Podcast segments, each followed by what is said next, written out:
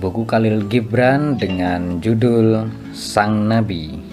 Kita memasuki bagian ketiga. Selamat mendengarkan. Lalu berkatalah seorang pria kaya, "Bicaralah pada kami tentang pemberian." Dan ia menjawab, "Kau hanya memberikan sedikit dari harta milikmu." Itu ketika kau memberikan dirimu sendiri apa yang sebenarnya kau berikan karena harta milikmu hanyalah benda yang kau jaga dan kau simpan, karena takut kau akan membutuhkannya esok hari. Dan esok hari, apa yang dapat dibawa oleh esok hari pada anjing yang mengubur tulang di pasir tak berjejak saat ia mengikuti musafir ke kota suci? Tetapi apakah ketakutan akan kebutuhan itu selain kebutuhan itu sendiri? Apakah kau dahaga ketika sumurmu penuh dahaga yang tak tertahankan? Ada yang memberikan sedikit, tapi banyak yang mereka miliki. Ada yang memberikan sedikit dari banyak yang mereka miliki, dan mereka memberikannya untuk pengenalan dan keinginan tersembunyi mereka, membuat pemberian mereka tidak utuh. Dan ada yang memiliki sedikit, namun memberikan semuanya.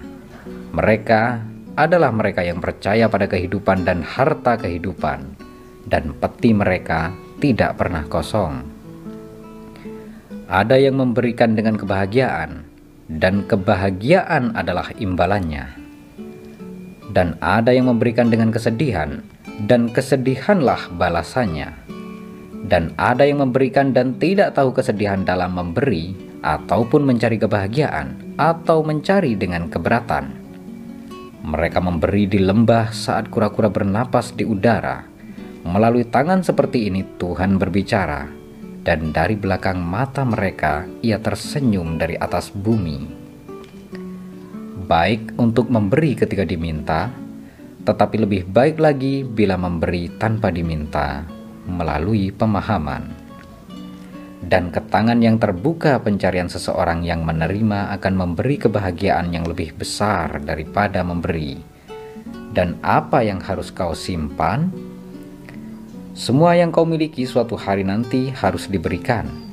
Oleh karena itu, berikanlah sekarang, karena musim memberi mungkin milikmu dan mungkin dan bukan milik leluhurmu. Kau sering berkata, Aku akan memberi, tetapi hanya kepada mereka yang pantas menerima.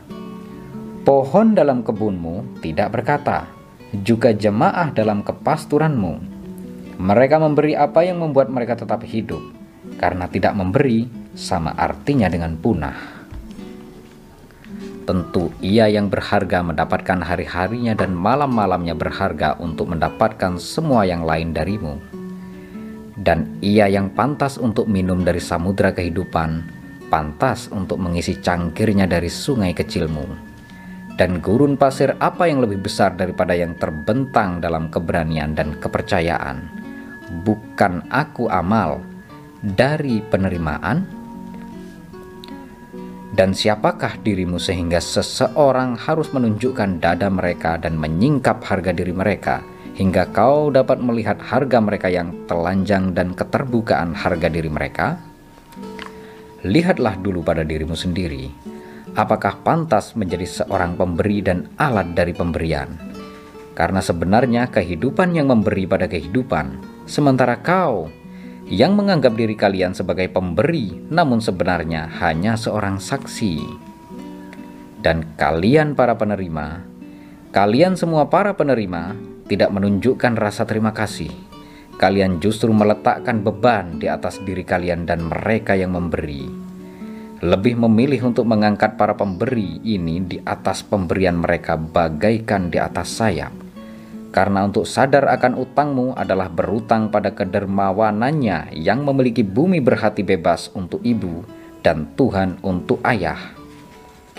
Lalu seorang pria tua, penjaga penginapan, berkata, bicaralah tentang makan dan minum. Dan ia berkata, Kau hidup dalam keharuman dunia dan seperti udara yang dijaga oleh cahaya. Tetapi karena kau membunuh untuk makan dan merampok ibu dari anak yang baru lahir untuk menghilangkan dahagamu, biarlah semua itu menjadi tindakan ibadah. Dan biarkan di atas mejamu berdiri sebuah altar di mana hutan dan tanah yang tak bersalah serta murni dikorbankan untuk yang lebih suci dan lebih bersalah dalam diri seorang manusia. Ketika kau membunuh binatang, katakan padanya dalam hatimu, "Demi kekuatan yang sama yang menyembelihmu, aku juga disembelih dan aku juga dimakan."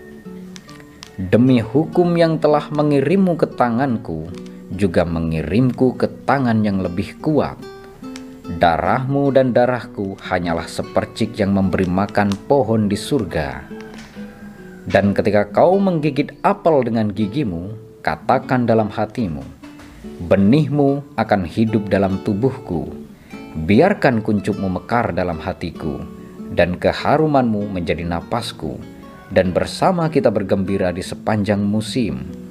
Dan saat musim gugur, ketika kau mengumpulkan anggur di kebunmu untuk diperas, katakan dalam hatimu, Aku juga sebuah kebun anggur, dan buahku juga dikumpulkan untuk diperas. Dan seperti anggur baru, aku juga disimpan dalam kapal abadi. Dan di musim dingin, ketika kau mengambil anggur, biarkan hatimu menyanyi untuk tiap cangkirnya. Dan di sana adalah sebuah lagu pengingat masa musim gugur, dan kebun anggur, dan pemerasan anggur.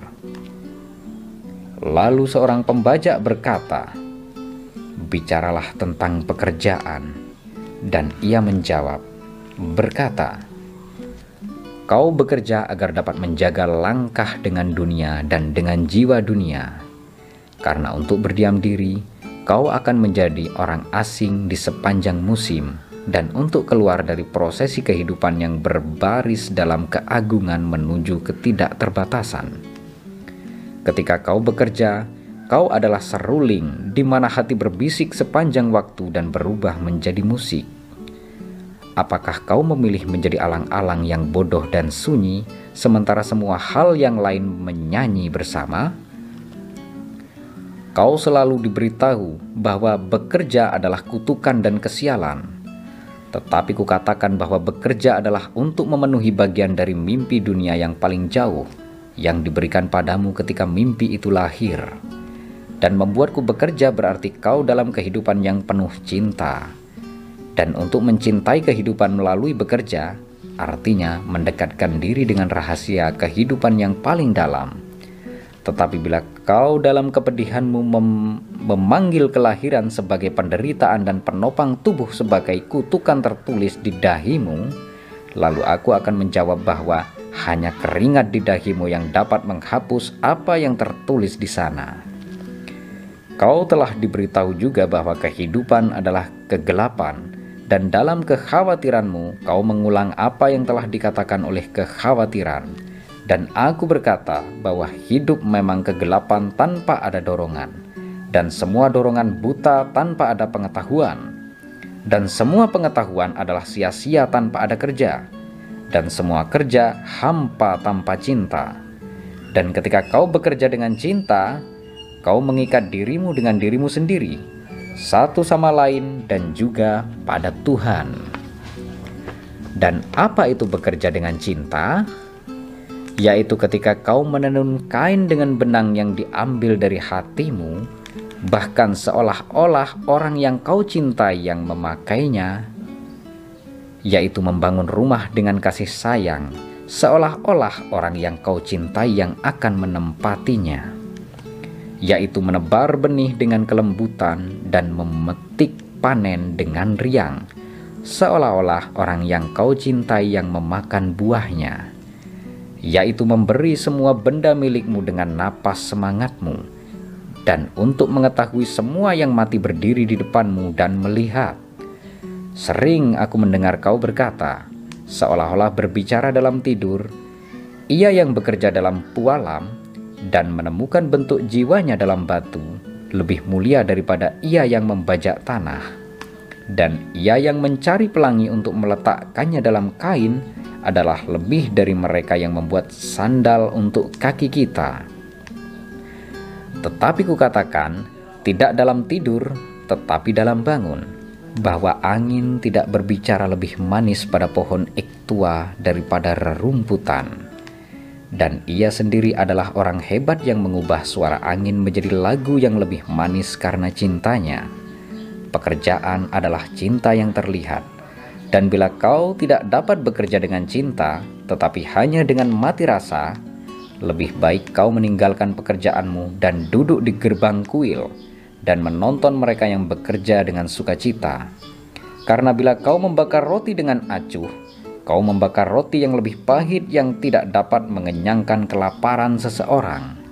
Dan bila kau enggan memeras buah anggur, keenggananmu akan mengakibatkan racun. Dan bila kau bernyanyi bagai malaikat dan tidak mencintai nyanyianmu, kau hanya mengganggu telinga orang dengan suara siang dan malam. Terima kasih dan bersambung ke bagian 4.